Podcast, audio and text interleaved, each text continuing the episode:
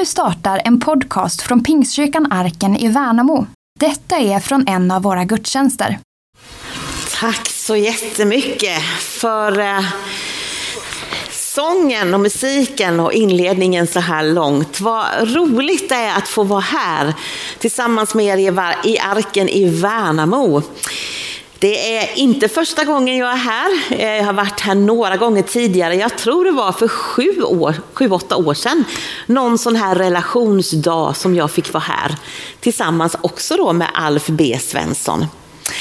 Och sen var det ju under en period som jobbade jag med pingstledarutveckling. Och då var vi här mellan 2013 och 2015. Då var vi här flera gånger per år och hade stora samlingar här i Arken. Och ni var fantastiska på att organisera sådana här stora möten. Jag heter ju Katrin Karlsson och arbetar sedan många år i Pingstkyrkan i Jönköping. Och det jag har ansvar för just nu, jag har haft många olika roller, men det är att, att jag an, eh, arbetar med vårt diakonala arbete. Och det är eh, ja, allt vårt sociala arbete. Vi jobbar med ensamstående föräldrar, vi jobbar med LP-verksamhet och integrationsarbete, själavård och förbön och ett stort arbete också för, för ensamma äldre. Så det är väldigt vitt och brett, men det är fantastiskt roligt att få arbeta i församling. Jag älskar det och det är det jag har gjort största delen av mitt liv. Sen finns jag också med som inspiratör för en ekumenisk själavårds och förbönsrörelse som heter Helhet genom Kristus. Och jag kommer att berätta lite mer på seminariet sen hur man kan få hjälp när det handlar om inre helande. Och det kan man få god hjälp, det har jag själv fått, just genom den här ekumeniska själavårds och förbönsrörelsen. Men nu så ska jag predika och det ska handla om församlingen som en helande miljö. Och jag tror att jag har med mig också här, jag har lite bilder, jättefint. Och vi hörde ju faktiskt lite sånger som inte jag har hört på många år, men i de här sångerna så handlar det ju också om det här med att eh, att vi ska vara en läkande gemenskap. Hörde ni det? Att det fanns med i sångerna. Och att vi ska älska varandra. Och det där är ju direkt taget ifrån Bibeln. Men vi människor, det är ju så, vi är ju skapade för hela relationer. Har ni tänkt på det? Det var ju så vi skapades. För att leva i en hel relation med Gud, med andra människor, med oss själva och hela naturen, skapelsen. Så var det från första början. Allt var ju i sin ordning när vi läser Bibeln från första delen. Och det är så vi är tänkta att leva. Och när vi lever i hela goda relationer, både med Gud, oss själva och varandra och med vår skapelse, så mår vi ju väl. Det är det vi är skapade för. Men så vet vi ju att någonting hände i början av Bibeln. Synden kom in i världen och när synd och oförsonlighet kommer in i våra liv, då händer någonting. Ja, det första som påverkas det är våra relationer. Relationen till Gud. De första människorna de sprang och gömde sig när Gud kom och vandrade i lustgården. Det var någonting som hände. Man blygdes. Relationer med andra människor, ja det läser vi i början på Bibeln vad som hände. Det dröjde inte länge förrän det första brödramordet. Och relationen till oss själva. Tänk vad många människor det är som kämpar och det kanske vi gör lite till mans med relationen till oss själva. Det har ju också med det här med synden att göra. Men de goda nyheterna är ju att Jesus Kristus, han har kommit till den här jorden för att upprätta, hela och läka det som har gått sönder. Och när Jesus Kristus får ta plats i våra liv och får vara centrum så är det någonting som händer också med våra relationer på alla plan. Och det är ju att relationer de blir upprättade eller kan bli upprättade. Och det är så fantastiskt. Och jag har varit med om det på så många plan i mitt eget liv. Det finns en kvinna som är en gammal katolsk kvinna som har skrivit en jättefin bok om läkedom i Kristus. Hon säger så här att den kristna gemenskapen är kallad att vara världens mest läkande miljö. Och det där kan vara lite provocerande tänker jag. För du kanske sitter här och upplever att det har varit precis tvärtom att den gemenskap som du är eller har varit en del av, den har varit allt annat än läkande. För det är ju så att när vi blir sårade i familjen eller i församlingsmiljön så gör det väldigt, väldigt ont. Men Guds tanke och plan är att hans församling ska vara en läkande miljö, eller hur? Vi tittar ut över världen, vi har nyss bett för situationen i Ukraina. Men överallt är det oroligt och vi hör om dödsskjutningar och det är krig och oroligheter i större delen av världen. Men vad skulle inte den läkande miljön vara om inte i Guds församling? Vi är kallade av Gud att leva i hela upprättade relationer. För det kommer få betydelse inte bara för oss själva utan för våra familjer, våra församlingar, våra arbetsplatser, våra skolor, länder och folk. Så även att vi kämpar så är det här Guds tanke att vi ska vara en läkande miljö. Om vi går till apostlagärningarna så kan man läsa om eh, aposteln Paulus och vi kan läsa om hans omvändelse. Innan han fick namnet Paulus så hette han Saul. Och det står om Saul att han andades hot och modlust mot de kristna. Han förföljde den kristna församlingen. Och när han var på väg så är det som att ett ljussken stoppar honom och han hör en röst från himlen som säger Saul, Saul, varför förföljer du mig? Och han blir alldeles förstummad. Han var på väg för att förfölja de kristna. Men vem är denna röst som stoppar honom? Och så hör han rösten, jag är Jesus, den som du förföljer. Alltså han förföljde de kristna, men Jesus själv säger att det är mig du förföljer. Jesus identifierar sig med sin församling så starkt så att han säger den som förföljer församlingen förföljer mig. Och jag tänker att det där är viktigt att vi kommer ihåg. Att Jesus själv är så identifierad med sin församling. Det finns så många olika bilder beskrivet i Nya Testamentet för att beskriva församlingen och beskriva den här relationen som finns mellan huvudet och kroppen mellan vinstocken och grenarna. Vi är intimt förenade med Jesus Kristus.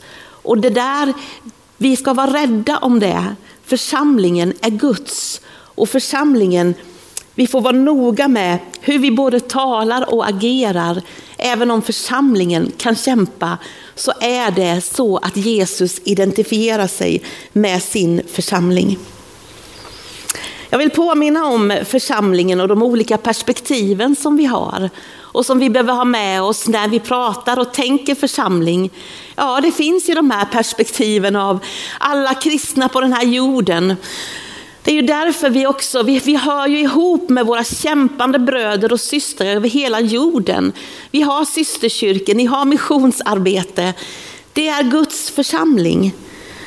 Vi är en del av pingströrelsen, våran kyrka och det är kyrkan här också. Men vi har perspektivet också av alla kristna på, på en ort.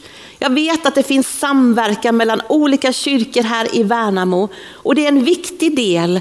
Jesus själv har sagt att vi ska älska varandra och kärleken ska, när vi älskar varandra så ska världen förstå att eh, Jesus är sänd från Gud. Det är också ett perspektiv.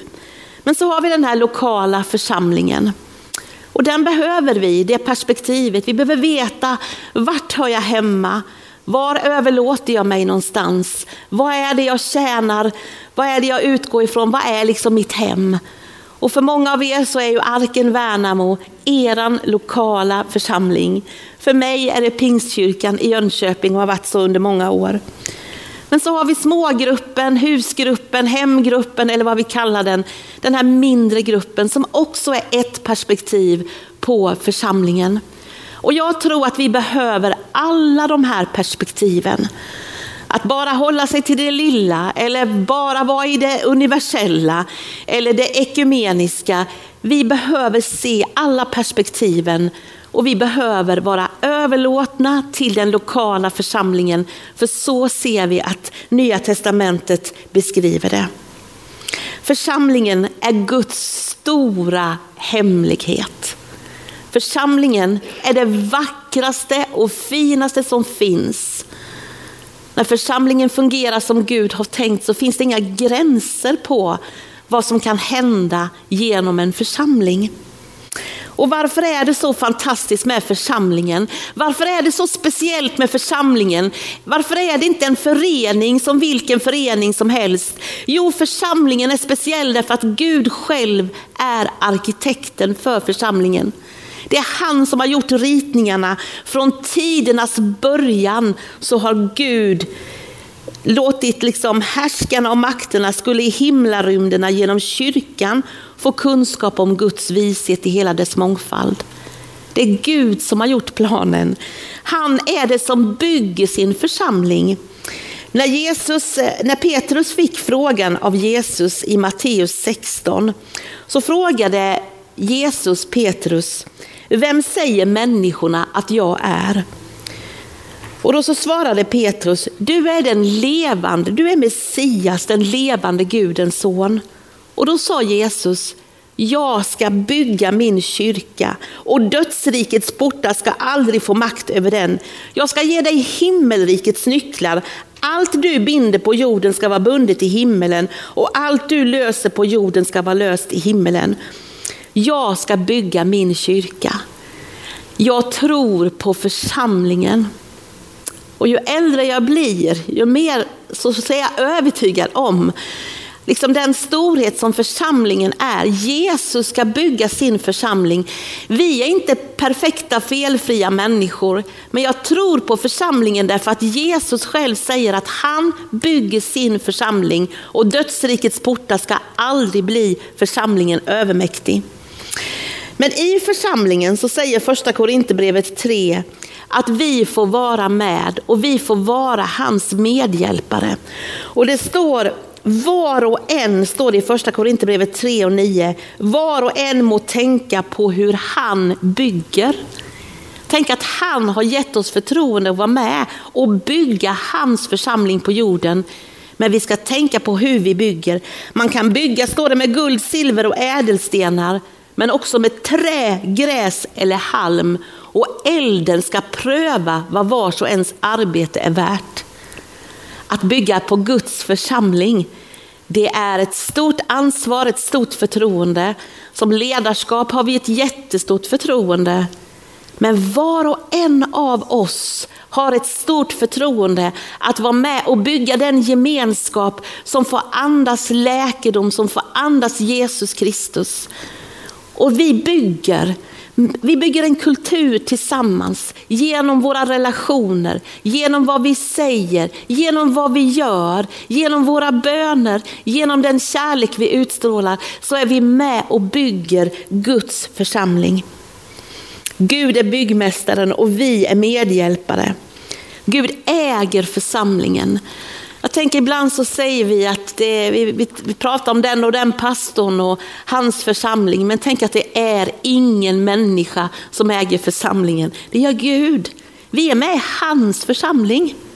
Visst är det fantastiskt? Det är Guds församling. Och det finns många bibelord som talar om det. Bland annat får ledarna i, eh, i Efesos, de får höra vad hedar för Guds församling som han har vunnit åt sig med sitt blod. Vi får vara med i hans församling. Och Gud han bor i sin församling. Han bor inte i en byggnad i första hand. I lustgården så bodde Gud, han, han gick bland människorna De gömde sig visserligen sen när han kom och de hade syndat. Men sen när de gick genom eh, öknen så hade de med sig en, en flyttbar tältelddom. De hade med sig tabernaklet. Där bodde Gud, där mötte de Gud. Senare så byggdes templet, en plats där Gud uppenbarade sig. Men när vi kommer in i Nya Testamentet så läser vi Johannes 1 och 14. Ordet blev människa och bodde bland oss. Och sen läser vi om i Efesebrevet, genom honom fogas vi samman till en andlig boning åt Gud. Vi läser om att vi är levande stenar i ett andligt husbygge. Och där två eller tre samlas i hans namn, där är han mitt ibland oss. Så ni vet att vi är med i Guds bygge och vi är levande stenar. Och varenda sten behövs i det här bygget, det här boplatsen för Gud. Han bor i vår gemenskap. Och därför är det så viktigt när vi samlas att Jesus får vara i centrum och att vi får liksom vara den här platsen, den här gemenskapen där han kan få uppenbara sig. Och jag tror att vi så många gånger har upplevt när vi kommer tillsammans så är han där och vi upplever hans närvaro. Det var så fint, vi kom på morgonen här idag och så samlades vi där inne nu klockan tio för att be för gudstjänsten. Och jag känner inte liksom människor här väl, men vi börjar att be för gudstjänsten och vi märker att Jesus Kristus är där. Hans närvaro är där. Vi samlas i hans namn. Han vill någonting. Vi har det här gemensamt, vi är systrar och bröder. Men församlingen, man kan säga att det är en motkultur i ett individualistiskt samhälle. Ni vet, vi lever i ett land som är ett av de mest sekulära länderna i hela världen. Och vi är så individualistiska, vi svenskar. Det handlar så mycket om jag, mig och mitt. Min tro har jag privat, så, så säger många. Men ni vet, det är något helt annat när vi läser Bibeln. Det handlar inte om individualism, det handlar inte om privat kyrka. Det där begreppet finns inte i Bibeln. Utan krista, tron den är personlig. Men vi tror tillsammans med alla de heliga. Att, eh, att på något sätt inte regelbundet dela tron och gemenskapen med andra. Det är som att vara ett kol som försöker brinna på egen hand. Ni vet när man grillar. Om vi tar ett kol, ett glödande kol och lägger det vid sidan om de andra kolen så dröjer det inte länge förrän det där kolet slutar att glöda. Men tar vi det igen och lägger det med de andra kolen, då blir det varmt och då börjar det glöda igen. Och så är det med vår tro också. Vi behöver varandra för att vår tro ska få näring. Vi är inte skapade för att leva liksom våra liv och ha tron för oss själva. Vi är skapade för att vara en del i gemenskapen, en del i församlingen. Och det händer så mycket när vi är tillsammans, när vi är uppmärksamma på det. Jag minns en, en sliten en sliten småbarnsmamma som berättade, som, som satt uppe på läktaren i en av våra gudstjänster för några år sedan. Och hon var så sliten och så trött och det var så jobbigt med barnen. Och så var det slutet på gudstjänsten när vi hade lovsång och vi hade bön. Och så bara satt hon där och bara kände tårarna rann och det var så tungt. Och ingenting i gudstjänsten hade liksom typ berört henne heller. Men så hör hon att bakom henne så sitter någon. Och när hon vänder sig om och tittar lite senare så ser hon att det är en ung kille. Och han liksom ber halvhögt så hon hör vad han ber. Och han sitter och tackar Jesus för sin familj. Han sitter och tackar Jesus för sina kompisar, att han har en tro. Han tackar Gud för sina föräldrar. Och hon bara, när hon lyssnar till hans tacksägelse så fylls hon av Guds ande och en slags tro på att en dag så ska hennes stökige son också sitta och tacka Gud för sin familj och för sin församling.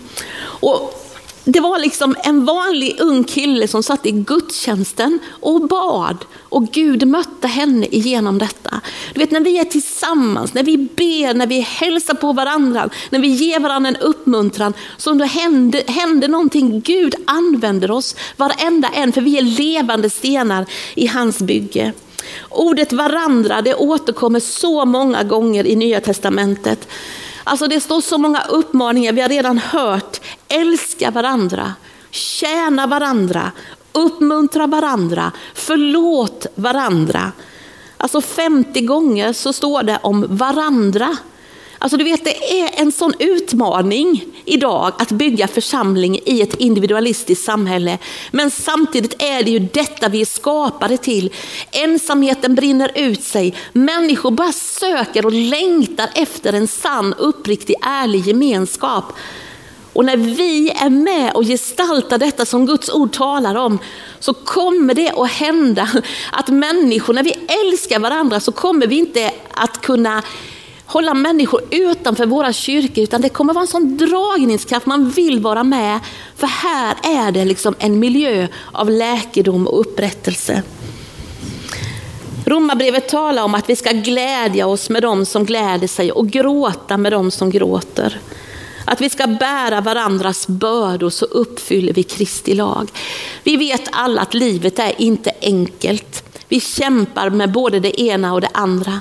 Men om vi aldrig delar med varandra och säger som det är, hur ska jag kunna glädja mig med den som gläder sig och gråta med den som gråter? Men om vi har en öppen och ärlig gemenskap, om jag finns i det mindre sammanhanget i en smågrupp där jag liksom kanske möts varje eller varannan vecka. Där kan människor följa vad som händer i mitt liv. Jag kan dela glädjen, kan dela bördorna.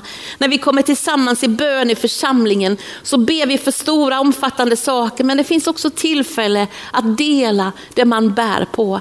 Det här är en sån rikedom. Någonting som har hjälpt mig väldigt mycket det är att tänka att församlingen den är både gudomlig och mänsklig. Den är helig och bräcklig på samma gång. Det är ju så att vi är människor och jag gör fel många gånger. Och det gör du också. Vi sårar varandra och det sker felsteg. Församlingen är inte fullkomlig, men samtidigt den är helig och bräcklig på samma gång. Vi är människor. Och det här hjälper mig när det händer saker som gör att jag känner mig ledsen och besviken så tänker jag det är ändå Guds församling. Och så många gånger som Paulus får skriva brev till olika församlingar som kämpar med olika saker. Och så får han ändå liksom ingjuta mod och tro. Och ni behöver arbeta med det här och det här. Men det är Guds församling. Han kallar dem till och med för heliga. Så församlingen, den är gudomlig och mänsklig, den är helig och bräcklig. Vi är ingen utställningslokal för färdiga produkter, utan vi är en verkstad där mästaren arbetar.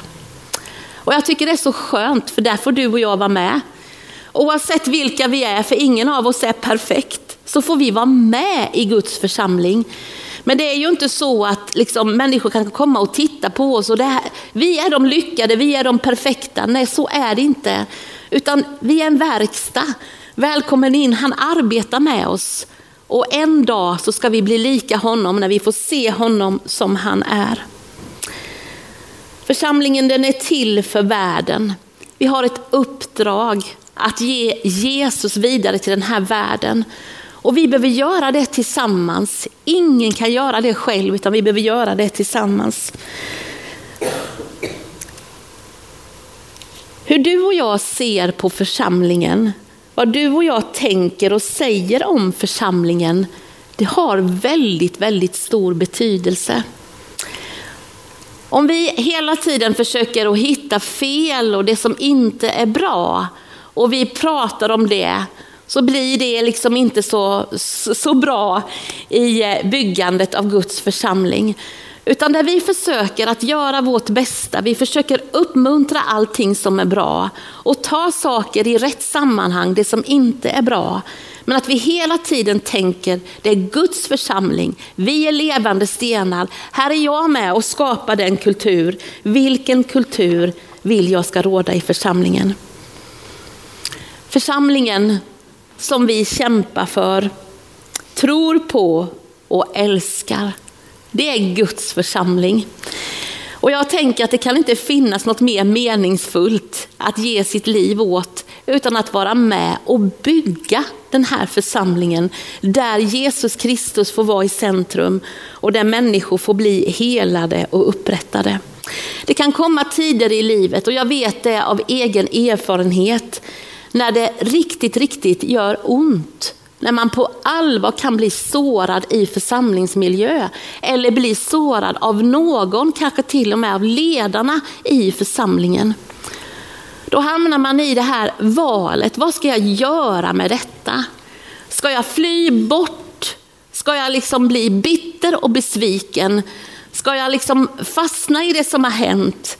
Eller ska jag hitta en väg genom detta till förlåtelse, till att, eh, ja, till att hitta en väg som inte handlar om bitterhet. För i församlingen så kan man känna att man både, liksom både livet går sönder och man kan känna att jag kanske blir både osynliggjord och trampad på. Fast församlingen ska vara en miljö där jag blir uppmuntrad och där jag blir, eh, får komma i funktion i mina gåvor. Men när det här har hänt och om det händer så har vi alltid ett val att göra. Vad gör jag med detta? Vad gör jag med det jag upplever i mitt eget liv? Och ingen annan människa kan jag ta ansvar för vad jag gör med detta i mitt liv, utan det måste jag ta ansvar för själv. Och jag har själv sett att det finns en väg, också när det gör riktigt, riktigt ont på insidan. Att det finns en väg till att inte gömma undan det som har varit fel, att få tala om det i samtal, men också få hitta en väg att lägga ner sina anklagelser och få välja förlåtelsens väg. Det finns en väg. I första Thessalonikerbrevet så står det, må han som är fridens Gud helga er helt igenom. Må er ande, själ och kropp bevaras hela och oskadda, så de är utan fläkt när vår Herre Jesus Kristus kommer. Han som har kallat er trofast, han ska åstadkomma det. Vi människor är en helhet, ande, själ och kropp. Och Paulus ber för hela människan, ande, själ och kropp.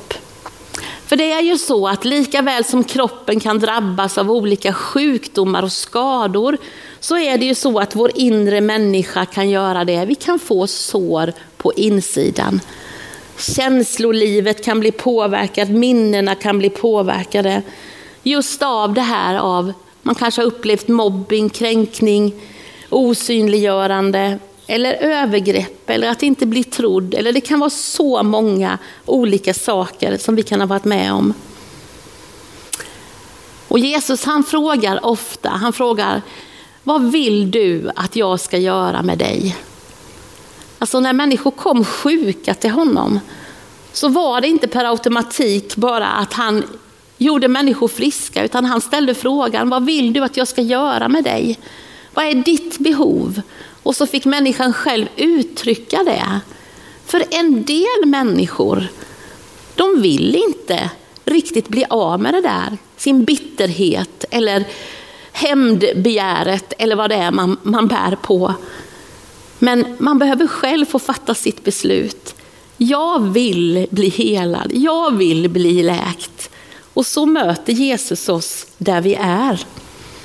Det finns så många bibelord. Jesaja 53 talar om att genom hans sår blir vi helade. Tänk Jesus vad han har gjort för oss. Genom att han blev sårad så kan vi bli helade. Det står att han ger läkedom åt de förtvivlade. Han helar deras sår. De där såren på insidan, de kan och vill han hela.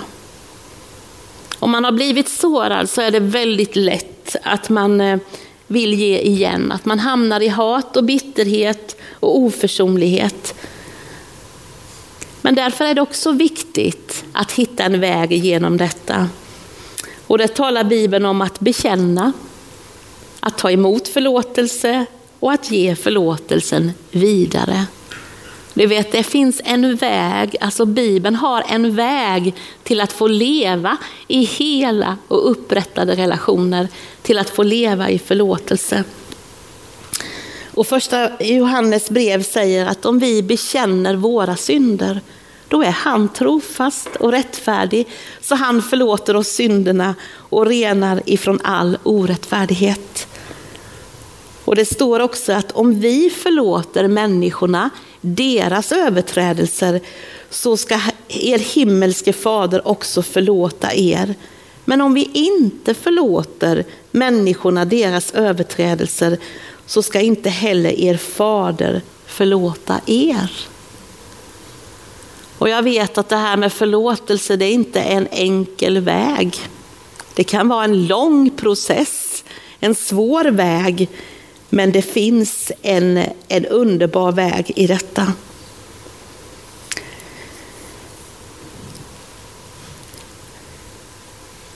Man kan också vara bunden av olika band. För när man har blivit sårad och, och ja, blivit illa behandlad så, så kan det hända att man på något sätt hamnar i en, en slags bundenhet. Och jag vill bara nämna någonting om det också. Vi vet att det finns människor som, som är fysiskt bundna. Vi läser både om Petrus och Paulus i fängelse. De satt där och var begränsade i sitt liv. Men de var väldigt fria på andra plan i sitt liv. Men vi kan hamna i bundenhet både mentalt och socialt och andligt fast vi lever i ett land i frihet. Och det här är någonting också som Jesus vill hjälpa oss med. Jag kommer att prata lite mer om det också på seminariet. Men Jesus han säger i sin programförklaring i Lukas 4 att han har sänt mig att förkunna befrielse för de fångna. Vi vet att det finns befrielse ifrån ett tankeliv som bara liksom mal och mal och mal. Kanske vad någon har sagt, ord som har satt sig som tatueringar och som bara upprepas och upprepas och upprepas i ditt huvud. Som gör att du inte kan vara fri därför att någon har sagt något över ditt liv. Det behöver du inte leva med resten av ditt liv. Utan Jesus kan faktiskt befria ifrån den typen av felaktiga uttalanden som har uttalats över ditt liv. Det finns frihet. Och Jesus han, han kan befria oss på så många olika sätt. Ni vet, han använder sin församling till att ge läkedom och frihet och förlåtelse. Jag ska bara visa på några områden som han använder. Alltså, det personliga livet med Gud. Du vet när vi lever våra liv i, vi läser vår bibel, vi ber våra böner, då händer någonting. Det är som att Gud han, han hjälper oss. Vi kanske har kanske har råkat ut för någonting, men du vet i det dagliga livet med Gud så, så sker någonting. I omsorgen som vi visar mot varandra så sker så mycket av läkedom och helande. Därför är det där smset som du tänker att det kanske inte gör så stor skillnad, men du skickar ett uppmuntrande sms till någon. Du ber, att vi, ber någon att, vi, att ni ska fika tillsammans eller du kommer till någon med en påse bullar eller vad det kan vara. Alltså du vet, det kan finnas så mycket läkedom i den enkla omsorgen och det använder Gud och vill använda. Den kristna gemenskapen är tänkt att vara den här läkande miljön. Bibeln, nattvarden, förbön, själavårdssamtal. Det finns så många delar i detta. Och ja, Det finns så många liksom, möjligheter till att få hjälp. Men det viktiga är att du själv öppnar upp ditt hjärta och säger ja, jag behöver helande, jag behöver hjälp. Jag behöver få börja vandra på förlåtelsens väg. Jag vill vara med och bygga en församling som är en läkande miljö. Men hur blir församlingen en läkande miljö? Vi ska avsluta med det. Jo, församlingen blir en läkande miljö. Det börjar med dig och mig. När Jesus Kristus har fått göra sitt verk i våra liv.